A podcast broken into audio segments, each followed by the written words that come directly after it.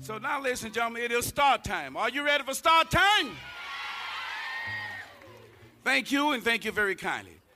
It is indeed a great place to present to you at this particular time national and international known as the hardest working man in show business. Man, this saying, I'll go crazy. Try me. You've got the power.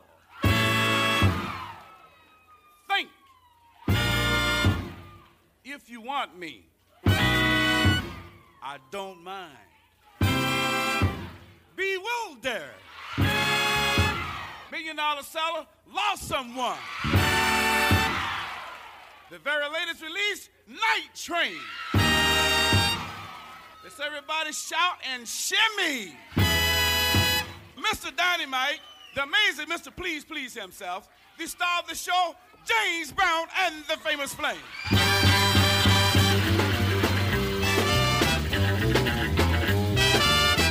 Fankologia. Subiektywny podcast o czarnej muzyce prowadzony przez dwóch białasów.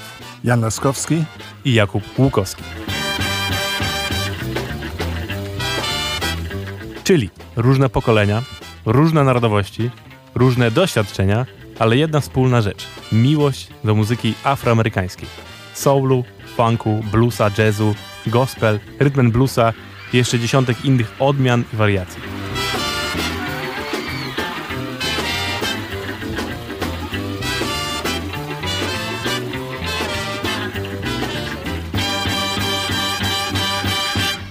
Dzień dobry, dzień dobry, witamy Was serdecznie w kolejnym odcinku Fankologii. Witamy, witamy. I dzisiaj mamy dla Was y, temat mi bardzo bliski. Będziemy mówić o legendarnym i chyba najbardziej funkowym człowieku, jaki kiedykolwiek istniał na, na tej planecie. No ja nie myślę, nie, nie tylko na planecie, w całej galaktyce. tak, jest, całej jest taka galaktyce. szansa. Jest taka, taka szansa. szansa. e, Ale zanim temat główny, to jeszcze wracamy do newsów. E, W tym tygodniu nic takiego wielkiego, znaczącego się nie wydarzyło, żebyśmy pozbierali, ale mam jedną Na szczęście nikt ciekawostkę. nie umarł. Tak, na szczęście nikt nie umarł. Ale mam jedną ciekawostkę i może to was zaciekawi, bo na Disney Plus można obejrzeć cały show tak, tego Rock and Roll Hall of Fame inductees, czyli że Rock and Roll Hall of Fame, no to to jest takie, no nie wiem jak to przetłumaczyć na polski tak naprawdę. L- Zbiórka, No. gdzie wrzucają wszystkich e, takich ich zdaniem ważniejszych artystów Tak, związanych z rock and rollem. Tak, I co roku tak, tak. dobierają właśnie jakąś grupę i dodają ich do tej listy Tak. i robi się z tego wielki show. I jest teraz właśnie dostępny na Disney Plus, trwa 4,5 godziny. A mówię to dlatego, bo z, dla nas ciekawych informacji to do, doszła właśnie do Hall of Fame Chaka Khan, czyli no, królowa funku, No, Rufus tak zwana. i, i, i solo, tak. Dokładnie. Zespół The Spinners, to też klasyka R&B. No rzeczywiście. Y, I Don Cornelius, o którym rozmawialiśmy w programie przy okazji Mm. Soul Traina. No fajnie, to, no, że e, tego nie wiedziałem, że oni e, biorą postacie jakby... Ja też nie wiedziałem. Znaczy, Poza, co niekoniecznie sami e, wykonywali muzykę, tylko mieli jakąś znaczną e, jakoś e, wpływ na rozwoju muzyce. No to to e, ciekawe dla mnie. Zawsze miałem taką wrażenie z Rock and Roll Hall of Fame, że to jest tam świat z perspektywy e, białej muzyki Rock and Roll Hall of Fame. Mhm. Teraz wiem, że się starają po prostu takich legend e, czarnej e, muzyki wciągać i słusznie. E, Spinners to e, ciekawe, to znaczy, że na pewno przed nimi, bo nie mam tutaj faktów e, przed sobą, że Temptations na przykład e, musieli być, e, nie wiem o Smokey Robinsonie, ale zawsze takie wrażenie miałem, jak byłem trochę młodszy, jak to czytam, że po prostu takie tokenowe, takie, używając angielskie słowo, że no, lubimy nasze, ty wiesz, Beatlesów, Rolling Stonesów, Tak. ale też może, ty wiesz, tam rzućmy tam e, Fats Domino też, bo on też, ty wiesz, jakoś był i że jesteśmy, te, wiesz, tacy, e, tacy otwarci, ale jednak e, czarni artyści to mniej licznie wchodzili na tą listę, ale to... No, ale myślę, że to jest, wiesz, ogólny problem, o którym gadaliśmy na samym początku naszego podcastu, że rock and roll przez bardzo długi czas był uznawany za muzykę całkowicie białą. Mhm. Bo, bo to Elvis Presley, bo to Carl Perkins, bo... Beatlesi. e, dokładnie, więc wszyscy myśleli, że to jest biała Mhm. muzyka i potem dopiero jak zaczęło się właśnie badanie sprawy i- Mhm. i mówienie prawdy, to się okazało, że tak nie jest do końca. Więc oni też złapali się na tym, że byli po prostu białymi ludźmi, którzy chcieli swoich świętować, a potem im ktoś wytknął, że ej, słuchajcie, ale jeszcze ten, a jeszcze ten, a jeszcze ten. Ale Mhm. znaczy ja przyznam, że w ogóle nie rozumiem trochę całej idei tego Rock and Roll Hall of Fame, zwłaszcza, że wchodzą tam artyści, którzy nie mają z rock and rollem nic wspólnego. No. W tym roku nie, między no innymi... to, to też Spinersi, szczerze mówiąc, No chociaż tak, no. dla mnie, ty wiesz, to jest legendarny zespół, ale ty wiesz, czy oni, ty wiesz, nawet e, jak byli z, dopiero w 70 jak weź, poszli do Atlantyk, to zrobili się duzi. Może, bo jeszcze istnieją w jakiejś formie, bo oni jeszcze może nie wszyscy żyją, ale że są, no to trzeba ich uznać, bo rzeczywiście i, i ty wiesz, tych 70 dużo hitów mieli, no to ty wiesz, tam za coś e, No tak, ale w tym roku na zasłużyli. przykład weszła Missy Elliott i DJ Cool Hertz. No to hip-hopowi artyści, tacy wiesz, no jeszcze Cool Hertz, no to. Jakoś pewnie bym to dociągnął. No, że to jest człowiek faktycznie, który zapoczątkował hip-hop, No, jest no. uznawany za tego pierwszego, który zrobił pierwszą imprezę te 50 Tak. lat temu w Bronxie. No definitywnie. E, I mimo, że hip-hop no, nie jest rockiem w żaden sposób, to nie, gdzie, e, gdzieś tam czerpie. No, nie, też nie. Ale końca. jednak, wiesz, 50 lat hip-hop jakoś króluje. Ja wiem, że w sprzedaży i w listach przybojach, to ty wiesz, tam więcej jest chyba hip-hopu teraz, No teraz niż e, rock'n'rollu.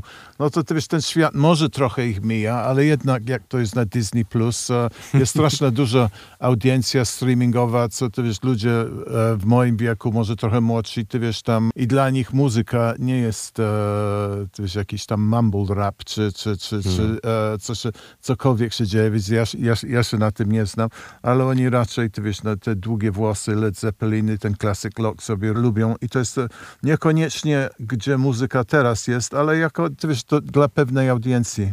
Ja wiesz, takie, No zdecydowanie. tak, tak. No patrząc na tych wszystkich, którzy tu przyjęli w tym roku, no to ewidentnie to jest rozstrzał. Znaczy, Tak. nie wiem czy wiesz, bo to jest chyba dosyć istotna informacja, że Mhm. to ludzie wybierają y, publiczność, kto No wchodzi. właśnie, no Że to to, to- nie jest jakieś jury, które sobie wymyśla, a, w tym roku okej, damy no to tych. ty wiesz, taki spinnersi, to może ty wiesz tam e, na pewnych forach, ty wiesz, no to Mhm. ty wiesz tam... e, Więc tak, więc ja Postarajmy się pamiętam- i, i głosujmy, tak. Akurat dla na, Czeka Kanto sam głosowałem w którymś momencie, bo było A. e, tam właśnie oficjalnie, że teraz nie wiem jak się dobiera tą pierwotną grupę, z której się, na którą się głosuje, ale chyba też jest tak, że ludzie zgłaszają po prostu. Mhm. A, okej. Nie wiem, czy tak było od początku, bo może na początku tak nie było, ale no teraz już tak jest, że No, co roku ci ta, ta grupa dobranych ludzi to są no, przez kogoś wybrani, przez ludzi w sensie i my głosujemy potem na nich, no czy tam Ameryka. Tak, tak, tak. Ale jest dużo takiego tokenizmu, to moje słowo jest, jak albo Rolling Stone Magazine, ty wiesz, tam e, lubią dla swoich czytaczy 500 największych albumów. I zawsze tam, wiesz, tam oczywiście to jest e, rock and roll prawie 1 do 500, ale zawsze wrzucą tam 5, 6 jakiś tam afroamerykańskich, zawsze Miles Davis, A Kind of Blue, What's Going On, coś tam Stevie Wondera, coś tam e, wrzucą jako tokenowo, ale widać, że to po prostu, żeby pokazaliśmy, że, że, że, że też, ty wiesz, tam nie ignorujemy taką muzykę, ale to nie jest jakiś tam e, miłości, mi się wydaje. No nie, nie, nie, to jest jakieś też... Anyway, to, to może trochę zbyt kontrowersyjny. Może przyjdźmy na... Dobrze, dobrze, e, kontrowersje są potrzebne. Tak, tak, tak. Do, No to przejdziemy z Rock and, Roll, Rock and Roll Hall of Fame do naszego dzisiejszego Właśnie, bohatera, no bo to on może po był jednym z pierwszych e, inductees do całego Rock and Roll tak, tak, Hall of Fame tak. w No, 80 bodajże I trzecim tutaj roku. dobra e, decyzja. I The Hardest Working Man in Show Business. The Godfather of Soul. E, jeszcze jakie inne miał? Soul Brother number one. Soul Brother number one. E, Mr. Please, Please, Please. E, no to wiecie, o kim mówimy jeszcze? No myślę, że już się domyślili. No. Już się domyślili. Mówimy oczywiście- Szczególnie, że rozumiem, że to w tytule na Spotify'u będzie e, wymieniony. Tak jest. Mówimy Tak. oczywiście o Jamesie Brownie. Chcemy wam dzisiaj opowiedzieć o tym artyście, a tak naprawdę o jego znaczeniu dla muzyki popularnej i tego, co, co on takiego zrobił, że ta muzyka się trochę zmieniła i jaką był postacią w świecie muzycznym i nie tylko muzycznym, ale ogólnie kulturowym, społecznym, zwłaszcza w społeczności właśnie afroamerykańskiej, bo powiedzieć, że James Brown był po prostu artystą, to zdecydowanie powiedzieć za mało. Mhm. To była postać no, kultowa, legendarna, która no, naprawdę wpłynęła na to, jak w latach 60. i 70. nawet myśleli i Afroamerykanie, a na pewno jak tańczyli. Mhm.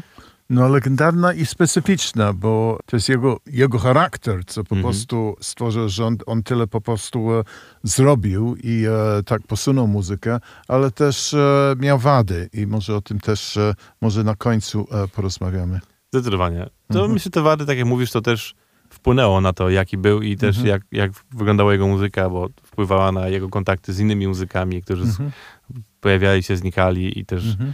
Mieli wpływ potem na jego muzykę i tak dalej. Więc zaczniemy oczywiście od samego początku, powiemy wam trochę o samych początkach Jamesa Browna, skąd się wziął, kim był i jak doszedł do tego, do czego doszedł, a potem się skupimy właśnie już bardziej na jego muzyce i znaczeniu jego muzyki w tych latach 60. i 70. James Brown urodził się 3 maja, co jest Mhm. dla nas fajną informacją, bo to jest majóweczka, więc zawsze co roku w majówkę świętujemy Mhm. urodziny Jamesa Browna. I potem powiemy, którego dnia zmarł. To też Tak, jest, to też jest fajne. E, urodził się 3 maja i faktycznie urodził się w ogóle w małej chat, chatynce w Georgii i urodził, jego matka miała wtedy 16 lat, kiedy go urodziła, ojciec miał tam 20 kilka. Żyli naprawdę w kompletnej biedzie. Muzycznie James chodził do kościoła pobliskiego, gdzie po prostu słuchał muzyki gospel, ale ani jego matka, ani ojciec nie byli muzykami. I też właśnie, kiedy dosyć szybko przenieśli się do Augusty, do ciotki Jamesa, która prowadziła burdel i, i mieszkali w tym burdelu przez chwilę, to matka szybko się wymiksowała i po prostu uciekła do Nowego Jorku i zostawiła Jamesa ze swoim ojcem, bo ten ojciec był y, abusive, Mhm. czyli że no, bił tą matkę i był w ogóle mało fajny. E, A James jakby dosyć szybko chciał być, chciał być entertainerem tak zwanym, czyli chciał sprawiać, żeby ludziom było fajnie, chciał śpiewać, Mhm. więc już jako mały dzieciak właśnie w okolicach tego burdelu swojej cioci była baza wojskowa i kiedy przy, w czasie II wojny światowej no, było tam mnóstwo żołnierzy, którzy się Mhm. e, pojawiali, znikali, to James Brown właśnie przy wejściu do, tego, do tych koszar robił jakiś show. W sensie Mhm. jako mały dzieciak stepował, tańczył, wygłupiał się i zbierał w ten sposób pieniądze, które potem mógł sobie wydać. I też ciocia go do tego namawiała, no bo jej, Mhm. jej biznes polegał na tym, żeby zapewniać za pieniądze przyjemność, między Mhm. innymi żołnierzom właśnie. I tak zaczęła się jakby kariera taka artystyczna Jamesa, że on od razu wiedział, że chce i, i sprawiam to frajdę, że może się po, U, u, pokazać. Też, też rozumiem, że miał ambicje i chciał czymś być. E, Też się Mhm. patrzył na sport, bo on też e, tak, przez chwilę był to- bokserem w ogóle. bokserem, też baseball trochę, e, Mhm. tylko może zobaczył, że nie miał aż takiego talentu, jak i więcej muzyka go, go, ciągła. Zdecydowanie tak.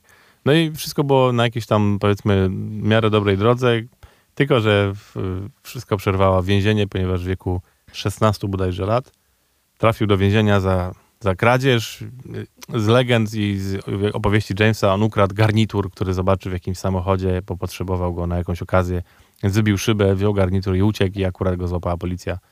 I trafił do więzienia, do poprawczaka nawet bym powiedział, bo to był nie, niepełnoletni jeszcze wtedy. I tam poznał osobę tutaj dosyć istotną w tej całej historii, czyli Bobiego Berda. Bobby Bird nie był akurat w więzieniu, on miał grupę razem z rodzeństwem gospelową, śpiewał i poznali się podobno w czasie meczu baseballowego właśnie, kiedy James miał okazję, był mecz po prostu zorganizowany dla, dla ludzi z więzienia, z ludźmi dookoła, którzy tam Poprawczak grał Tak, e, tak. z lokalną z szkołą. lokalną tak. społecznością, tak. dokładnie. I tak poznał Bobiego Berda, który usłyszał o tym, że James Brown właśnie założył e, grupę gospelową w więzieniu z innymi więźniami. Jak usłyszał, jak James Brown śpiewa, to bardzo mu się to spodobało i chciał, żeby... No i chciał pomóc Jamesowi w jakiś sposób. I namówił swoich rodziców, którzy mieli jakąś firmę wtedy, żeby zasponsorowali jakby Jamesowi możliwość wcześniejszego wyjścia z więzienia w ten sposób, że ten ojciec jego mm, jakby powiedział, że da mu pracę na najbliższe dwa lata, więc jeżeli zwolnią Jamesa Browna wcześniej, no to on, jakby on się nim zaopiekuje. E, Oczywiście James musiał podpisać papierki wszystkie, że tak, tak, zgadza się na to, że wyjście i będzie pracował te dwa lata w tej rodzinie Bobiego Berta. No i tak się stało. James Brown wyszedł po, po, tam chyba po dwóch latach z tego więzienia, więc tam trzech może, więc był już pełnoletni, mm, ale ledwo co. I zaczął pracę właśnie w firmie Bobiego Berda, ale chodziło tak naprawdę głównie o to, żeby mógł z nim śpiewać, więc razem jeździli po, no jeszcze nie po, po całej Ameryce, raczej w, po okolicach Georgii i tam śpiewali właśnie gospelowe piosenki. I grupa się nazywała The Famous Flames? Nie, nie, no ona miała tam nie. milion, tutaj Mhm. jak się po, po, sobie w Wikipedii, to ona miała po prostu tysiąc nazw. The Flames to w ogóle jest jedna z późniejszych Mhm. e, nazw, tak jak patrzyłem. Te nazwy się zmieniały, zmieniały i, Fl- i Flames to już była wersja R&B.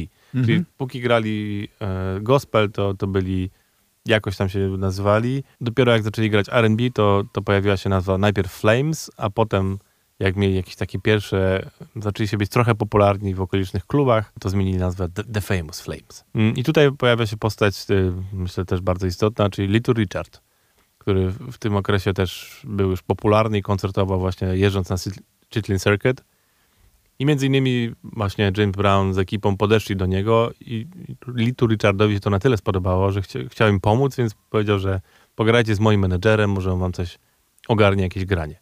Tak się stało i to się udało. Menedżerowi, który posłuchał ich e, na żywo, spodobało się to, co robią stwierdził, że pomoże im i faktycznie zorganizował kilka koncertów i to w zasadzie można uznać za taki główny punkt, w którym kariera Jamesa Browna ruszyła do przodu, bo został usłyszany, dostał pierwszego menedżera i te, te, no ta popularność zaczęła rosnąć. Z czego, co ty wiesz, co ja rozumiem też, że na razie to była taka demokratycznie e, uważana jako grupa, nawet Bobby Berda grupa, Mhm. ale jakoś e, już swoją energią i talentem to się wyróżniał, że naprawdę to jest tutaj e, główna postać w tej grupie jest James Brown. Dokładnie tak. Dosyć szybko powstał ich pierwszy, pierwszy wielki hit, czyli Please, Please, Please. Please,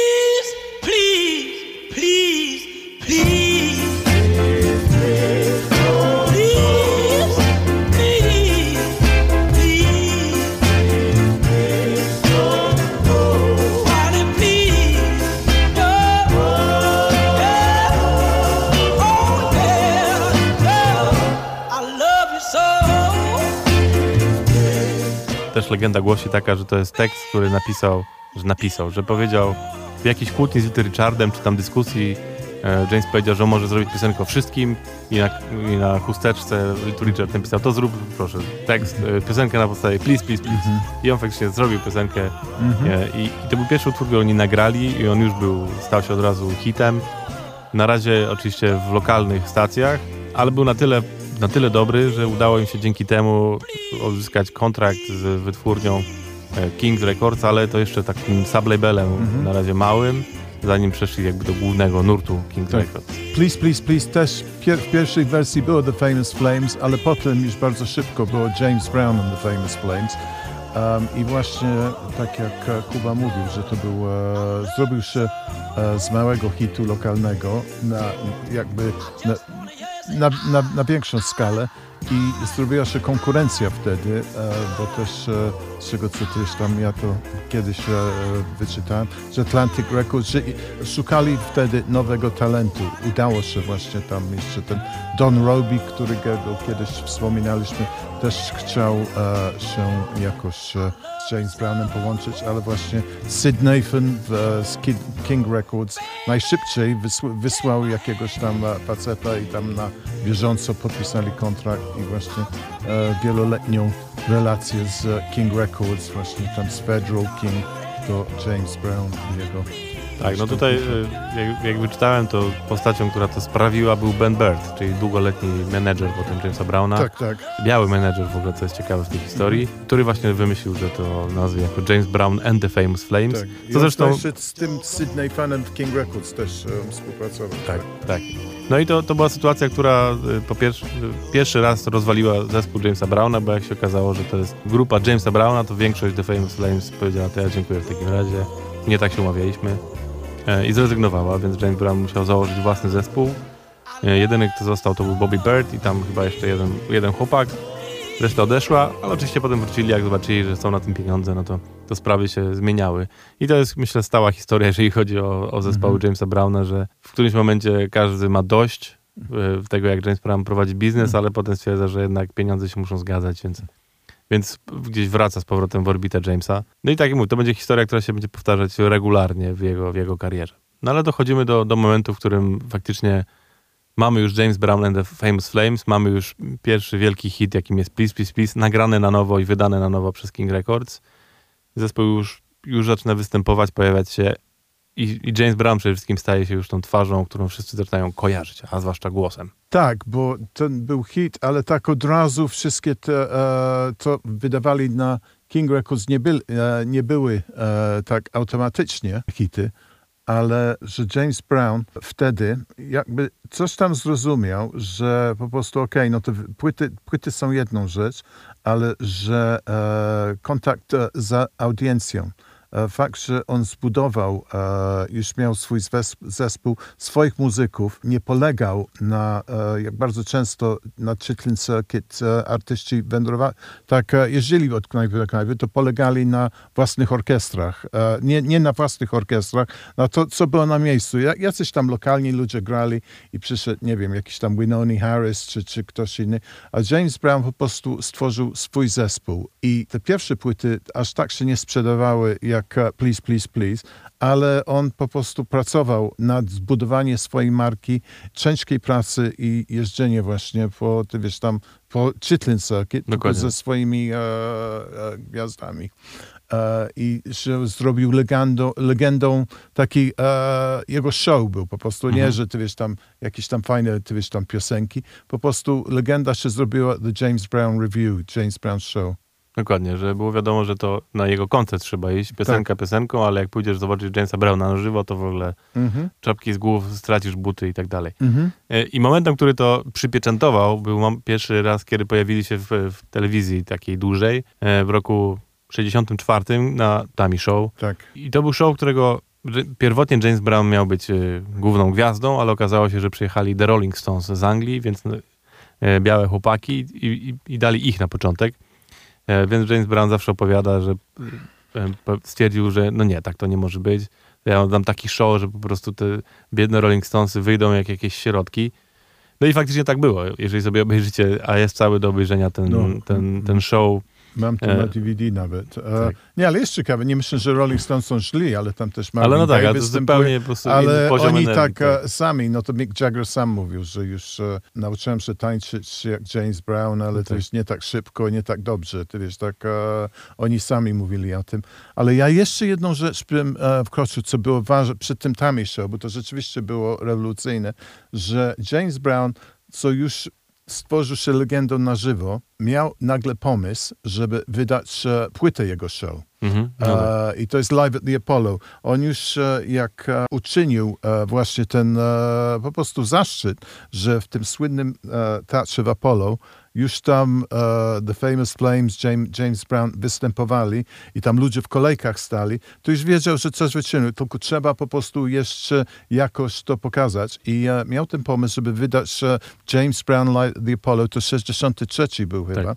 tak. Sid Nathan, co ciągle ponoć wojował z James Brownem. Nie, to nie jest to zły. Ale James Brown swoje, wiedział, że ma rację. James Brown własne pieniądze zainwestował. Powiedział, okej, no to ja zapłacę za to wszystko. Zdaje się, to 6 tysięcy dolarów było. I wyszła ta płyta, co po prostu e, było też bardzo niezwykłe, żeby żywy album. I to też był e, niespodziewanie e, bardzo dużo sprzedawało.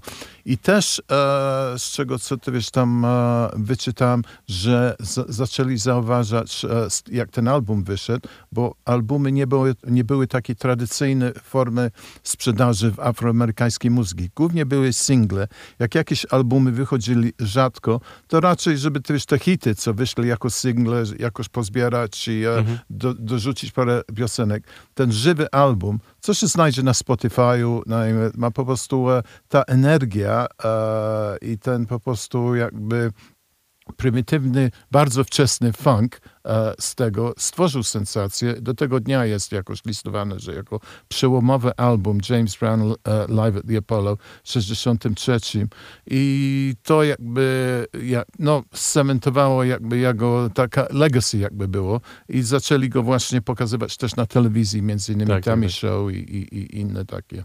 Tak, tak, masz rację. Jakby ten album pierwszy po prostu, y, to co mówi Jan, czyli że nie, nie, nie wierzono w to, że kto będzie słuchał albumu live, będzie kupował, skoro ma to samo, na, te same piosenki na singlach Mhm. porządnie nagrane. E, A James się up- uparł, wydał i ten album natychmiast stał się hitem. Sprzedał po prostu parę milionów kopii, co się w ogóle nie spotykało, już abstrahując od tego, że to jest wydanie live, to w ogóle się nie spotykało chyba w muzyce afroamerykańskiej, żeby aż takiej ilości albumów się sprzedały po No. prostu. Więc on od razu skoczył na, na topki Billboardu. E, Był z tego, co czytałem, 14 tygodni na, na liście, co też było bezprecedensowe wtedy. No i faktycznie to plus Tami Show był takim momentem, który no, sprawił, że James Brown sięgnął gwiazd, można śmiało powiedzieć. I stał się tym, i wtedy otrzymał też właśnie tytuł między innymi Mr. Dynamite. Mhm. i że właśnie daje energię po prostu. Moim zdaniem koniecznie musicie zobaczyć sobie ten Tami Show i zobaczyć jak James Brown po prostu tam daje czadu. Bo to, to jest niebywałe. Jak, jak nie mieliście okazji zobaczyć prawdziwego Jamesa Browna na scenie, to to jest najlepsze, co możecie zobaczyć. Zdecydowanie. I zrozumieć jakby na czym polega ten fenomen po prostu. No. Coś wspaniałego. No i wch- wchodzimy tutaj. Na razie to wszystko jest klasyczne R&B. To jest muzyka soul, to jest R&B taneczne. Taka muzyka, którą wszyscy znali oczywiście w wykonaniu Jamesa, więc trochę jakby no, innym niż wcześniej, ale ta muzyka jeszcze się tak nie różni od tego, co było wtedy po prostu popularne. I zaczyna się to zmieniać. W miarę jak lata 60.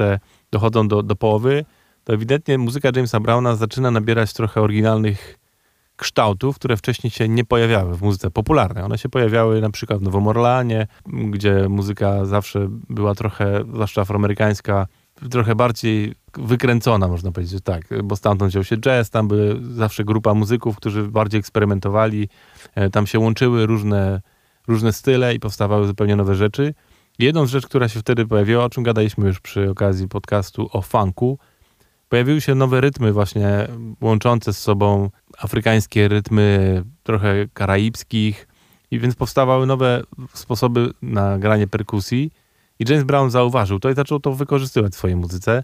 A, a drugą rzeczą, którą, którą zaczął wykorzystywać, to zaczął ją bardzo upraszczać. Dotychczas to było wszystko progresja akordów, tam się dużo działo muzycznie, ładne wokale i tak dalej, a, a James stwierdził, że chciałby to mieć dużo bardziej proste. Mhm. Czyli, że tak naprawdę dochodzimy tu do momentu, gdzie jego piosenki zaczęły składać się z dosłownie jednego, dwóch akordów, nic więcej się nie działo. Wszystko zaczęło się skupiać na rytmice i łącznie z jego wokalem, który przestał być pięknym, pięknymi melodyjkami, a zaczął być właśnie y, serią dziwnych dźwięków, y, trochę, trochę mówionych, trochę krzyczanych, trochę nie wiadomo jakich, co też się uznaje za jakiś taki począt, y, proto, protoplasty rapu dzisiejszego. I to był w zasadzie pierwszy moment, który sprawił, że ludzie bardziej zainteresowali się Jamesem Brownem. Już nie tylko dlatego, że po prostu robił fajny show, tylko nagle też inni muzycy zaczęli zauważać, że o cholera, tu się dzieją jakieś ciekawe rzeczy i zaczyna mi się to podobać. I zaczęli wszyscy słuchać uważniej tego, co robi James Brown. E, jednym z takich pierwszych hitów, który zaczął zapowiadać trochę ten kierunek był Papa's Got a Brand New Bag, Mhm. a potem było to już tylko, tylko gorzej. E, chyba e, Cold Sweat.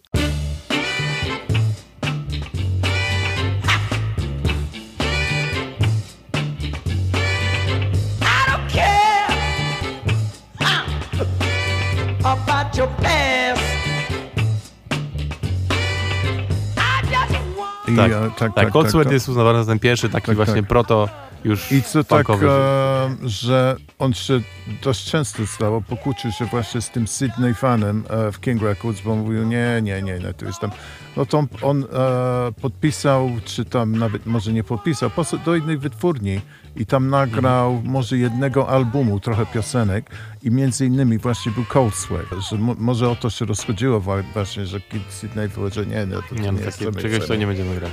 I to wyszło i stworzyło jakąś tu furfo- furorę i potem tam Sydney podał tą drugą wytwórnię, wiesz, że on ma kontrakt, jakieś tam sprawy sądowe, no to on wrócił do Kinga, ale już ten Cold Sweat był na rynku. No i zaraz potem też y, pojawiła się wytwórnia Polaroid, Mhm. która przejęła Jamesa w którymś momencie. I ten, ta, Chyba ta, wykupili ta, Kinga, Ta, ta tak, prawdziwa tak, rewolucja tak. funkowa tak naprawdę już, już się wydarzyła na Polaroidzie. Mówienie o tym, że James Brown był tam wielkim y, artystą, w takim sensie, że robi wielkie show, to jest jedna rzecz, ale druga rzecz to jest właśnie ta rewolucja muzyczna, która się wydarzyła przy okazji jego muzyki, którą James Brown właśnie jakby sterował za pomocą świetnych muzyków, których miał po prostu, więc tu myślę warto wspomnieć e, cały zespół. Zaczęło się właśnie od Famous Flames, Bobiego Berda i, i muzyków z, z tym związanych, ale jak oni zaczęli odchodzić, to James Brown zaczął ściągać muzyków różnych. I tutaj zwłaszcza zaczął ściągać muzyków jazzowych, o dziwo, którzy właśnie chcieli grać jazz, ale no, musieli też zarobić pieniądze, więc szli do orkiestry Jamesa Browna, która po prostu no, ciągle koncertowała. praca, ty wiesz, 300 dni Tak. w roku, to wiesz, to... Tak, no prawie codziennie tak, koncert i to kilka koncertów w ciągu dnia, cały czas w drodze. James Brown jeszcze był znany z tego, że po prostu prowadził to jak wojsko, Mhm. że każdy musiał mieć perfekcyjnie wybrany garnitur, wyczyszczone buty, że jak nie miał, to dostawał od razu karę pieniężną. I ze E. złe nuty. Tak, tak, musieli, każdy miał właśnie odpowiednio się ruszać na scenie, to też jeżeli im nie wyszło, to dostawali kary. Jeżeli coś źle zagrali, to też dostawali kary. Więc to była po prostu ciężka charuwa pracowana dla Jamesa Browna. ale jednocześnie ta jego, ten jego magnetyzm i ta ewident, ewidentnie poczucie, że to jest jakaś postać nietuzinkowa. Jak się czyta autobiografię tych wszystkich ludzi, którzy tam byli z Jamesem Brownem, to każdy o tym pisze ewidentnie, że mimo tego wszystkiego, co się działo dookoła, to po prostu jakby się czuło, że jest się w- jakiejś sytuacji wyjątkowej. I każdy chciał gdzieś tam uszczknąć trochę sobie dla siebie tej, tej magii i, i pozostać w tym wszystkim. Więc takie postaci jak Maceo Parker, Fred Weasley, e, Pee Wee Ellis, e, perkusiści jak Jabba Stark, e, Stubblefield. Stubblefield, tak, to oni wszyscy o tym mówią. I, I co jest, no, mi się wydaje, najsmutniejsze w tym wszystkim, to jest to, że oni potem już nie potrafili z tego uciec.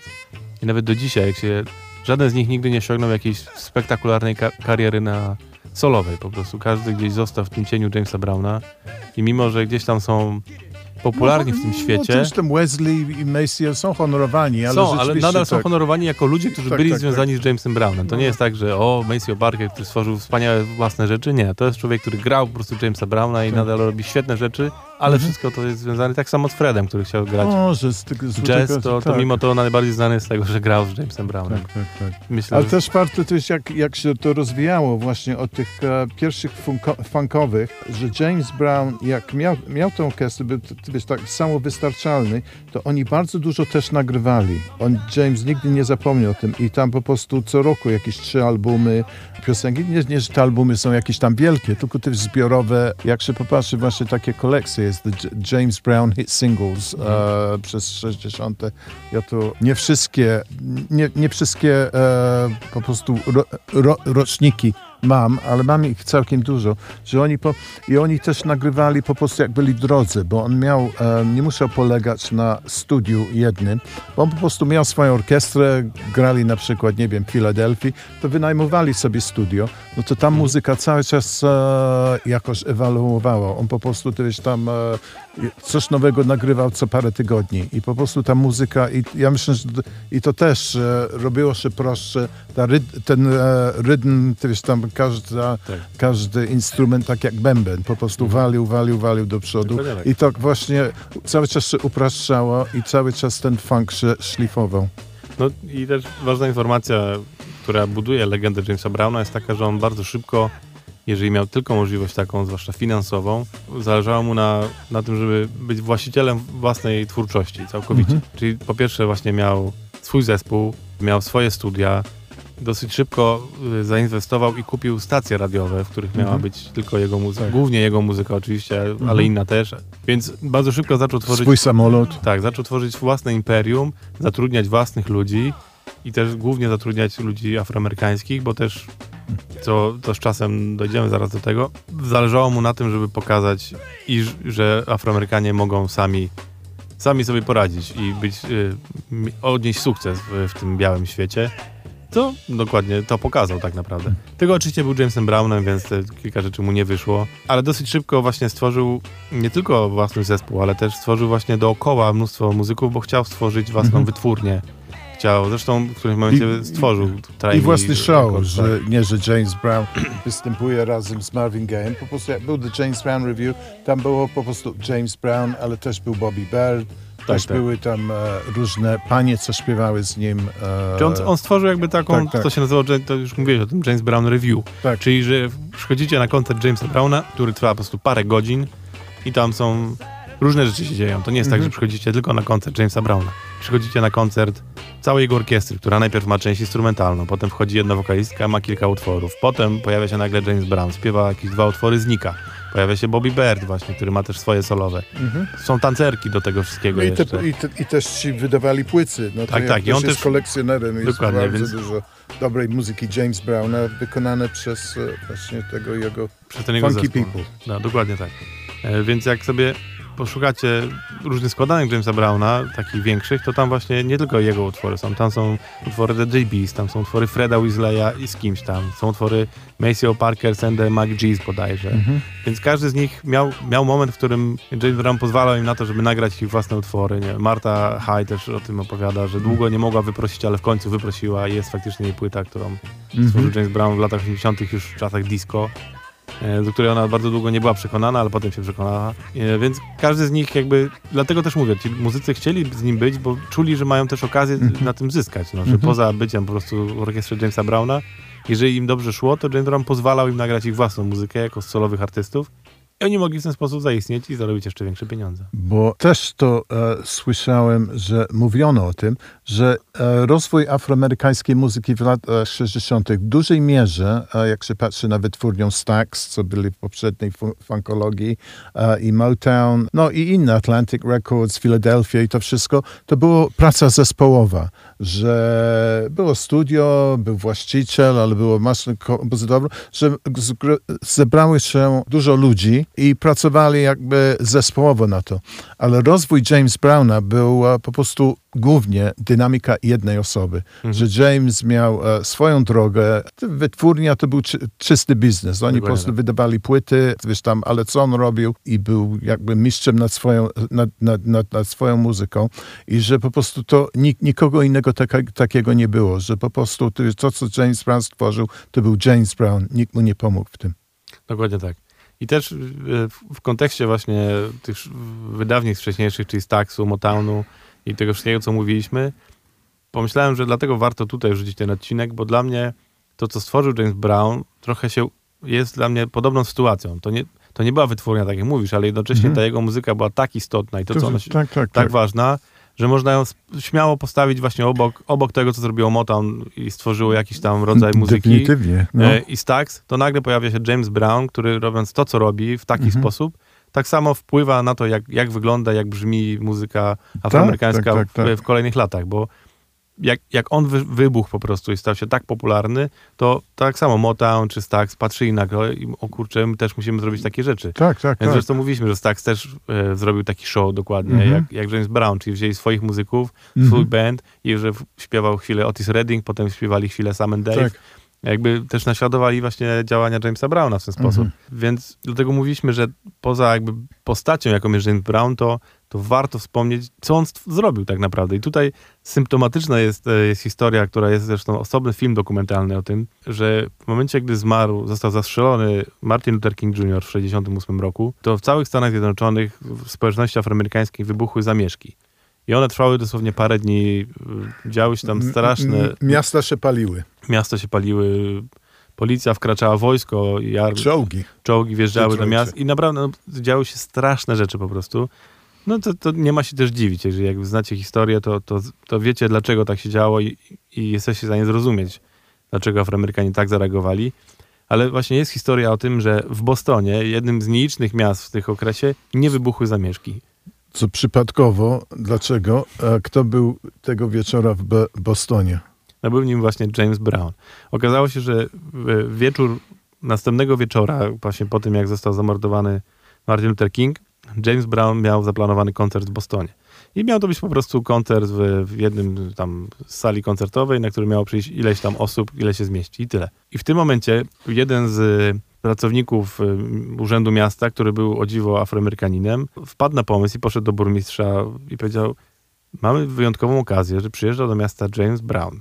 Jeżeli puścimy go w telewizji, tak żeby cały Boston mógł go oglądać, to jest bardzo duża szansa, że ludzie nie wyjdą na ulicę, bo będą chcieli oglądać show Jamesa Browna. No i burmistrz, który no trochę był... Nie miał lepszych pomysłów. nie miał już pomysłów i był spietrany, bo bał się tego, że wieczorem po prostu ludzie zniszczą mu miasto. Miasto mu się spali, no. No powiedział, okej, no tylko musimy to ustalić Jamesem Brownem. I faktycznie, no James Brown oczywiście bierze, ale jak to? Przecież e, ludzie nie przyjdą wtedy na mój koncert, bo będą siedzieć w domu oglądać w telewizji, więc ja nie zarobię pieniędzy. Mhm. Więc obiecali mu jakieś pieniądze za to dodatkowe, ale potem ostatecznie się zgodził. No i faktycznie taka jest historia, że kiedy James Brown zagrał koncert i on poleciał w telewizji, to w Bostonie się nic nie wydarzyło, bo faktycznie cała społeczność afroamerykańska siedziała i oglądała ten I koncert. dwa razy pokazali ten Tak. koncert. Tylko po to, żeby się nie wydarzyło, więc to pokazuje po prostu, jak, jaką ogromną siłę miał wtedy James Mhm. Brown. Że to był człowiek, który Jest potrafił... nawet film The Tak. Night Boston Was Saved, czy coś Tak, tak, dokładnie. Jest tak, film tak. dokumentalny i co ciekawe, on jest cały na YouTubie. Możecie go znaleźć na Mhm. kanale Jamesa Browna. Jest dostępny oficjalnie do obejrzenia. Nazywa się The Night e, James Brown Saved Save Boston. tak. Aha. E, Świetny film dokumentalny, już pokazuje całą historię te, tego konkretnej sytuacji, ale też opowiada o, o Jamesie ogólnie i pokazuje też dalej, co się działo, bo James Mhm. się wtedy, jakby on też przede wszystkim zauważył swoją potęgę, co, co Mhm. było e, wa ważne. Bo, bo wcześniej był wiedział, że taki jest popularny. Nie, niefortunny czas też, e, już, już, już mówimy o pod koniec 60., czy, e, że prawie inni, wszyscy ważni przywódcy afroamerykańscy, Martin Luther King, Mar e, Malcolm X, już nie żyli. Mhm. I nagle James Brown się zrobił najwięcej prominentny Afroamerykanin w ogóle w Stanach, nie Dokładnie tylko tak. jako muzyk. Tak, tak, tak. No, że na, po pierwsze muzycznie, po drugie właśnie jako postać, która pokazywała, że jako Afroamerykanin mogę sobie poradzić, mam własne biznesy, zarabiam na tym pieniądze, zatrudniam naszych ludzi, to stał się właśnie w, w ten sposób taką postacią istotną. No. no i tak jak mówię, on też poczuł tą siłę i poczuł, że może coś powiedzieć na ten temat i tutaj się stworzy, y, y, urodził utwór bardzo dobrze znany Say It Loud, I'm Black and I'm Proud.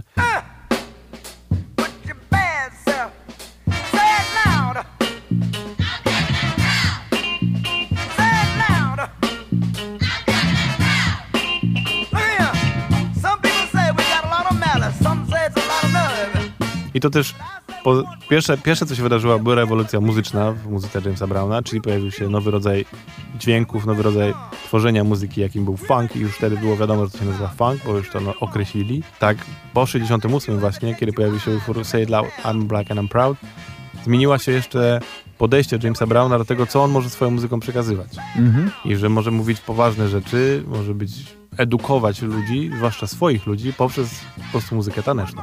No. I potem pojawiły się kolejne utwory jakby w, w tym klimacie, że tak powiem. Też teraz się znalazł na takiej najwyższej platformie, że sam wicepre, wiceprezydent się spotkał z James Brownem, e, był zaproszony do White House, e, do Białego Domu i też się e, tutaj zaangażował w nie tak samemu w polityce, ale też dla mnie było trochę dziwne, że on popierał potem Nixona. Co Nixon republi republikan dość kontrowersyjny w historii. No bo to akurat potem, odbiło mu się tak, mocno czkawką. Mosk- Tak, trochę, trochę odbiło się, ale dlaczego James Brown właśnie, i to się tak e, łączyło właśnie z tym charakterem, co mówiliśmy przedtem, ale jego w ogóle podejście, bo może ten, bardzo dużo tych ruchów afroamerykańskich, Black Power, to trochę, nie powiem, że jakoś się znajdowało ze strony po prostu ludzie, którzy jakoś to popierali, to raczej, ty wiesz, można powiedzieć, że jakoś się łączyło z liberalnym, z, dem, z, e, z demokratami. A James Brown właśnie wybrał tą drugą stronę, że on wiedział, no to oczywiście on powiedział, że nie Black Power, tylko Soul Power, to też jest e, jego e, zmiana, że no to już mamy świat, jest świat jest taki, jaki jest. Bądźcie dumni, że jesteście e, czarni i e, bądźcie po prostu dla mnie, powiedział, że Black Power dla mnie, i to jest e, zawsze, to chyba z tego filmu też dokumentalnego jest, że dla mnie Black Power jest jak ja byłem mały, nie miałem żadnych pieniędzy i czyściłem buty przy tej stacji radiowej. E, I teraz e, ja jestem właścicielem tej, sta- tej e, stacji radiowej. I to jest Black Power. Po prostu praca, róbcie co możecie i to jest, ty wiesz, tam Black Empowerment dla niego. Nie, że czekajcie i ty wiesz, że, że tu politycy zmienią nasze fortuny, walczcie o to, tylko po prostu róbcie co wy możecie. I to właśnie ten kapitalizm jego, pieniądze i ty wiesz, tam ściągnęło go może do stronie republikanów. No tak, tak też myślę, że właśnie on, on patrzył na, na, na świat pragmatycznym okiem człowieka, Mhm. który ma zarobić pieniądze i, i biznesmena, a republikanie zdecydowanie bardziej idą w tą stronę niż, niż demokraci. Tak, tak. I, ale, ale nie znaczy, że on po prostu e, zrobi, czuł się jako elita, że zdobył, co zrobił, bo bardzo dużo cały czas społecznie Mhm. działał. Zawsze jak robił koncert, to się spotykał, odwiedzał i po prostu to, co mówiłaś wcześniej, że e, zawsze popierał czarne biznesy, gdzie mógł. Mhm, dokładnie tak.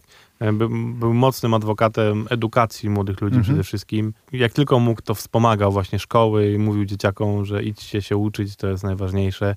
To jest też symptomatyczne, bo on nie miał żadnej edukacji, Mhm. nie skończył żadnej szkoły, więc był kompletnym nieukiem, ale też właśnie przez to pokazywał, że gdyby, gdyby nim był, to pewnie to, co zrobił, był, osiągnął jeszcze szybciej, bo miałby tą platformę, której no nie miał. On musiał to wypracować ciężką pracą, a właśnie jeżeli będziecie się uczyć, to, to będzie wam łatwiej. I o tym dużo mówił i to jest w Polsce wydana książka Jamesa McBride'a o Jamesie Brownie, którą wydało wydawnictwo Czarne w swojej serii amerykańskiej, która nazywa się Załatw publikę i spadaj. Mhm. I to jest właśnie o tyle fajna książka i zupełnie inna, bo to nie jest klasyczna biografia Jamesa, tylko jest właśnie spojrzenie na, na legacy Jamesa Browna, czyli tak naprawdę co, co, co po nim pozostało, jak wygląda jego, jego biznes właśnie po tym, jak on zmarł. I, I tam jest historia o tym, że James Brown jak zmarł, to cały swój majątek, który mu pozostał, przepisał właśnie na, na dzieci. Nie na swoje dzieci, tylko ogólnie na dzieci, na edukację dzieci, na szkoły, e, stworzył jakieś tam fundacje, więc to jest, pokazuje jakby, jak, jak dla niego to było ważne. Mhm. No i to jest, e, może ja tak, e, taką osobistą nutę, jak ja się spotkałem z James Brownem, to on już był e, królowym, królem funku. Występował już nie tylko też tam na Chitlin Circuit i, i, i, w Apollo, to też trafiał do Londynu, też poleciał do Wietnamu, co wa- bardzo ważne, że wtedy była bardzo kontrowersyjna wojna w Wietnamie.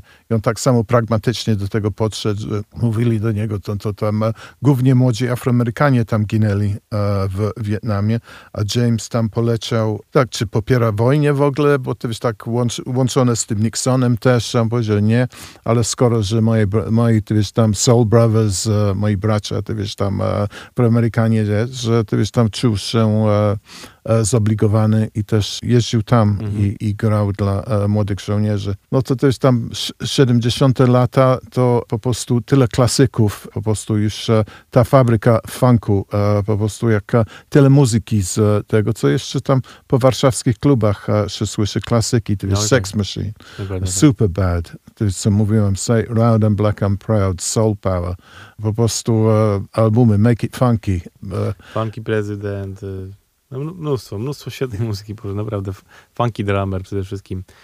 No była taka krytyka przez niektórych, którzy jakoś tego nie czuli, że to bardzo, wszystko bardzo podobne było, bo po prostu tak, tyle tego nagrania było, że, że tam, ale jak się w to widzieć, to po prostu e, to nie ma znaczenia, po prostu Tak. wszystko jest e, takie dobre. No, to prawda. No. Można tego słuchać po prostu w kółko. Trochę już o to zahaczyłeś, ale y, właśnie w momencie, gdy James poparł Richarda Nixona, to jest, to jest tak naprawdę pierwszy moment, y, kiedy James Brown y, podupadł trochę, na, Mhm. na, bo kiedy to się wydarzyło, to społeczność afroamerykańska się od niego odwróciła i zaczęła bojkotować jego koncerty. I to był pierwszy moment, w którym James Brown stracił dużo pieniędzy właśnie na, na rzecz swojej Mhm. polityki.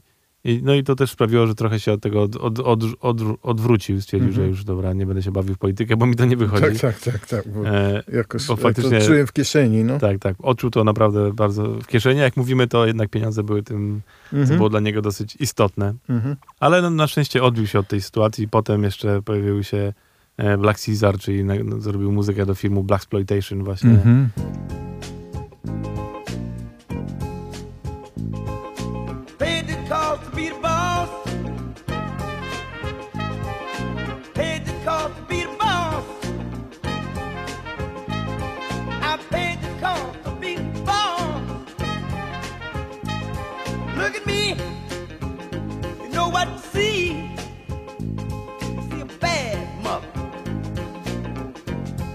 I tutaj też mniej więcej w tym okresie był jeden z takich słynniejszych momentów, w którym jego zespół powiedział mamy dość i, i sobie poszedł. I to był właśnie, to, był- to był moment, w którym James Brown był naprawdę na topie i po prostu historia jest taka, że nie płacił im pieniędzy, albo płacił im za mało, albo za późno.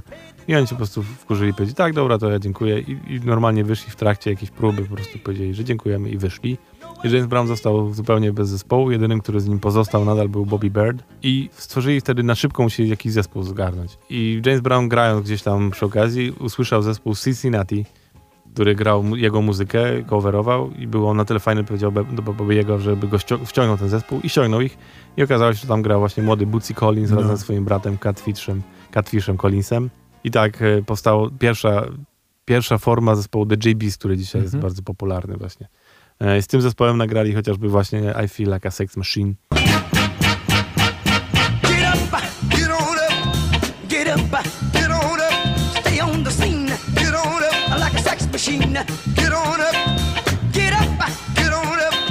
I to był taki największy hit, gdzie właśnie Bootsy Collins gra na basie. To nie trwało długo, bo Bootsy dosyć szybko e, zaczął ćpać, a James Brown bardzo tego nie szanował i właśnie mówiliśmy, że on prowadził swój zespół jako, jak wojsko, więc nie pozwalał na to, żeby jego muzycy byli jakkolwiek nieodpowiedni i nie prezentowali się dobrze, więc kiedy młody właśnie Bootsy się po prostu bardzo dobrze bawił na jego koncertach i nie pozwalał sobie sterować sobą jak żołnierzem, no to dosyć szybko stwierdził, że to w takim razie ja dziękuję bardzo i poszedł dalej.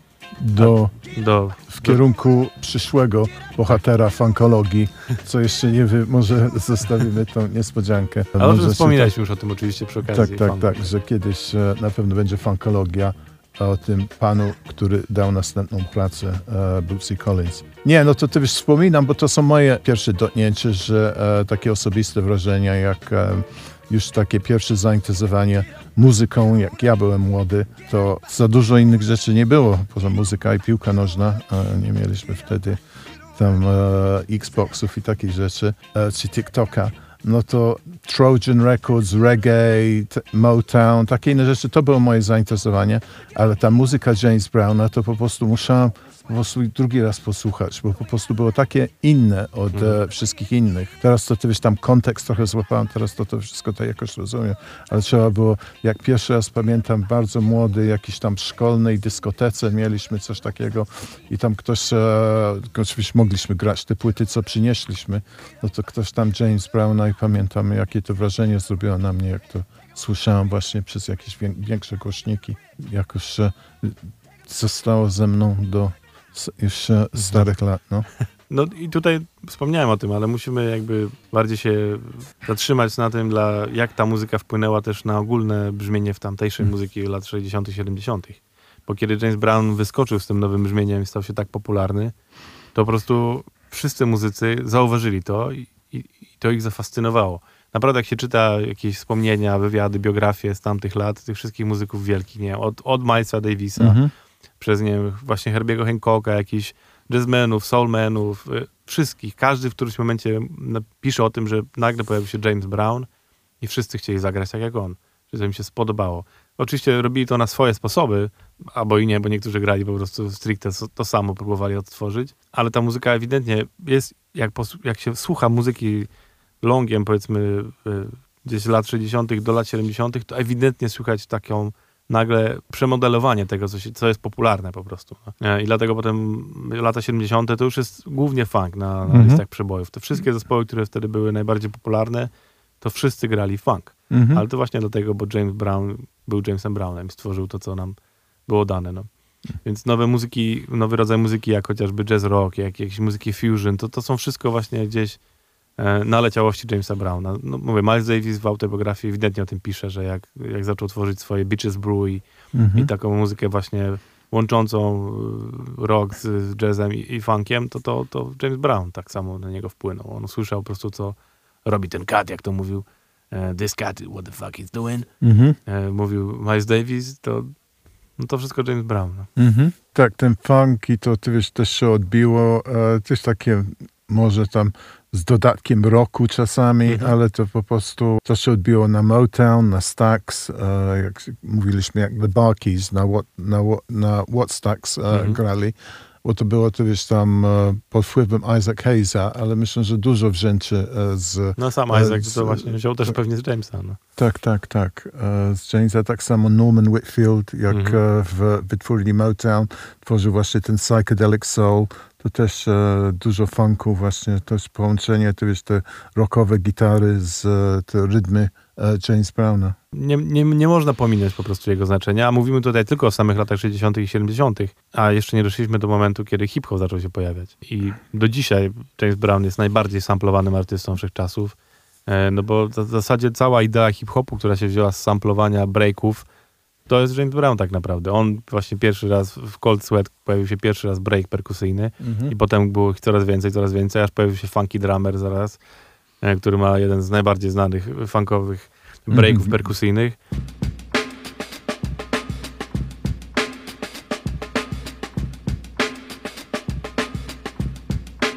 Więc cały hip-hop się opierał tak naprawdę właśnie na muzyce Jamesa Browna już.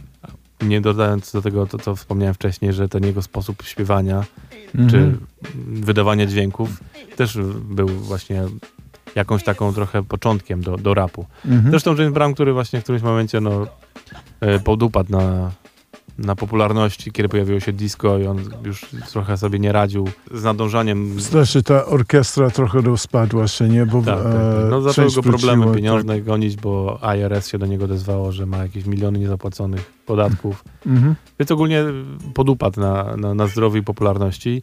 aż do, do tego stopnia, że w którymś momencie trafił do więzienia za, za napad i ucieczkę. I, No to myślę, że dla mnie, bo to rzeczywiście tragedia, e, że taki facet, co po prostu utrzymywał taką dyscyplinę e, całą, że, że to, to, co mówiłeś, że jak tam u niego jakiś muzyk e, był podejrzany, że trwa, czy od razu był wyleciał, Mhm. ale tak go uderzyło po prostu. Facet, co po prostu to, co wcześniej mówiłem, że był najważniejszy Afroamerykanin. Wiesz, to fragment czasu, 69, ty wiesz, Mhm. Ameryka się paliła i nagle na, na telewizji prezydent, to wszystko i James Brown, ty wiesz, tam wszyscy się patrzyli na górę do niego. I jakoś to stracił właśnie, ty wiesz, tam, bo czas leci, muzyka się zmienia, fasony się zmieniają, ludzie się robią starsi. I James znalazł sobie w takiej sytuacji, że już po prostu e, trochę, ty wiesz, tam, okej, nagraj coś disco, właśnie jak disco było, to ty wiesz, tam, kto ma najlepszą płytę jest wtedy królem. To nie jest, że ty wiesz, artysta tutaj e, James Brown, że ty wiesz, tam ma parę jakichś tam discołowych e, rzeczy on zaczął nagrywać. I to e, muzyka się zrobiła trochę taka, on nawet zrobił jakiś tam e, cover David Bowie, on po prostu się e, chwytał w różne kierunki, żeby jakoś żeby próbować e, został cały czas relevant tak zwany, nie udawało mu się. I tragedia, że facet, co cały czas trzymał tą dyscyplinę, że sam zaczął ćpać. I to w najgorsze rzeczy, po prostu e, wszedł on na łogi. wszedł. Tak, tak, tak, w narkotyki, w Angel Dust i po prostu w takie niegodne sytuacje, że ty wiesz, tam e, w samochody jakieś tam e, policja goniła, niepłacone podatki, życie dla niego, ty wiesz, się no, załamało I, Mhm. i, i to było przykre, bo ty wiesz, to widziałem, jakieś filmy, ludzie się śmieli z niego po prostu, jak e, Tak, tak, tak. występował, ty wiesz, nieuczesany, ty wiesz, tam naćpany i ktoś wywiad prowadzi i e, jakoś szybko się zapomina, jaki e, wielki to człowiek był. Ale na szczęście po tym, jak wyszedł z więzienia, trochę się Tak. ogarnął i przede wszystkim ludzie dookoła jakby uznali i zaczęli wracać do tego, że jednak jest postacią, postacią ważną i został doceniany i pojawia, zaczął się pojawiać właśnie w różnych sytuacjach e, takich Mhm. wspomnieniowych. Hip-hop go też uznał bardzo szybko właśnie za jako tą postać. No, Tam e, coś i- e, właśnie z. Afryka Bambata coś tam Tak, nagrywał. tak, tak. E, Więc już do końca I życia... trzeba, trzeba powiedzieć, że e, tylko nie mam tutaj daty. Bardzo ważne, co się stało, że James Brown przyjechał do Polski tak, i tak, występował w Sopocie, był. na czym ja był. byłem. Dziewię- dziewię- nie, Może 90. Jakiś, koń, końcówka jakoś- 90. albo początek Tak, tak, tak, w 2000. Sopocie. No No, jest do sprawdzenia na Tak, YouTube. tak, tak. Na YouTubie, bo jest nawet klip z tego. No. Mhm. No niestety nie było nam dane tam wejść. y, Znaczy mnie nie było dane jeszcze zobaczyć, byłem za, za małym gnojkiem. A ja y, dało, no. I, to- I to przeżyć, tak. No. Tak, tak. E, no ale już do końca, do końca świata y, James Brown, znaczy do końca życia James Brown już cieszył się popularnością w sensie tej legendy jakby był już ostatecznie uznany za tą Mhm. postać bardzo ważną. Tak jak mówiłem też na samym początku, dosyć szybko został przyjęty właśnie do Rock, rock and Roll Hall of Fame. Dostał nagrodę Grammy, taką ogólną za Life Achievement, więc Mhm. E, no już do końca cieszył się naprawdę popularnością. Tak, show business go znowu zapamiętał. Tak. No i do, tak jak mówimy, do dzisiaj jest uznawany za, za tą postać no, legendarną, która jest, stworzyła Mhm. jakiś e, Tak. ważny wy, wycinek muzyki popularnej. Mhm. Tak, no to tak, e, czy to było w, w tej książce, co wymieniasz, że no nie wiem, czy tak skoczymy, że James Brown nagle zmarł, co jest też trochę, ty wiesz, Tak, tak, e, no dostał pneumonii tak zwanej. pneumonii, ale są, ty wiesz, tam różne, a w taki świat, gdzie wszyscy spiskowe, że No, to może zawsze. ktoś go, ty wiesz, tam e, nie podał leki, takie inne rzeczy. I, i jak e, zmarł na dzień Boże, Boże, Bożego Narodzenia chyba. Tak, zmarł 25 grudnia. 5 grudnia. No Tak, ja- więc w majówkę jako- świętujemy tylko- jego urodziny, a na święta... Tylko jak James Brown. Ale miał tam chyba jakiegoś biznesowego manażera, co zaczął ogarnać mu tę e, wielka ilość kasy, co nagle znikła, ale znowu się jakoś pokazało, Mhm. bo po prostu on tyle tej muzyki stworzył i ten katalog jego był tyle warty, ten funk, ten Sex Tak. Machine, te wszystkie sample hip-hopowe, ten e, Live at the Apollo, co nadal sprzedaje, te wiesz, tam e, te wszystkie inne rzeczy, że e, całkiem dużo pieniędzy zostawił za sobą, nie? No tak, tak. I to, co mówiliśmy, że on zostawił te pieniądze y, dla dzieciaków, y, ale niestety jego rodzina nie chciała, chciała zebrać te pieniądze i do tej... I, na- I do tego dnia walczył. Chyba do tego, do tej, do, do dzisiaj cały czas te pieniądze są wydawane na, na, prawników. na prawników. No, Tak, niestety. no tak, tak, to tak, się, tak. tak się niestety najczęściej kończy. Pieniądze są e, Bo chyba, że każdy dobrze napisałeś tak klarownie ze świadkami swój testament, Tak, tak. żeby No nie było nawet- żadnych... Dokładnie E, tak. Słuchajcie, James Brown, James Brown, James Brown, jeszcze raz postać naprawdę, No, dla mnie e, jako funkstera naprawdę najistotniejsza, więc słuchajcie Browna. I dla mnie też e, ważny. Widziałem na oczy, wiem, że e, jeden z pierwszych płyt, co kupiłam, był Superbad e, James Browna. Bardzo ważna e, postać e, dla mnie. Jak niektórych przestałem trochę słuchać, tam już tam trochę Clinton mi się znudził, trochę tak e, Mhm. rzadko gram, ale James Browna nigdy, ty wiesz, tam nadal ta adrenalina mi e, zasiedziała się, jak słyszę go, szczególnie już tak e, w jakimś e, klubie, czy, czy, czy, czy, czy e, no, Mhm. e, tak niespodziewanie na radiu, to od razu zaczyna mi noga tupać. te Też- stare też tak kości taką. zaczynają. No zresztą do tej pory cały czas e, na jamach tanecznych się odpala Jamesa i wszyscy się Mhm. dobrze bawią. Tak, tak, tak, tak.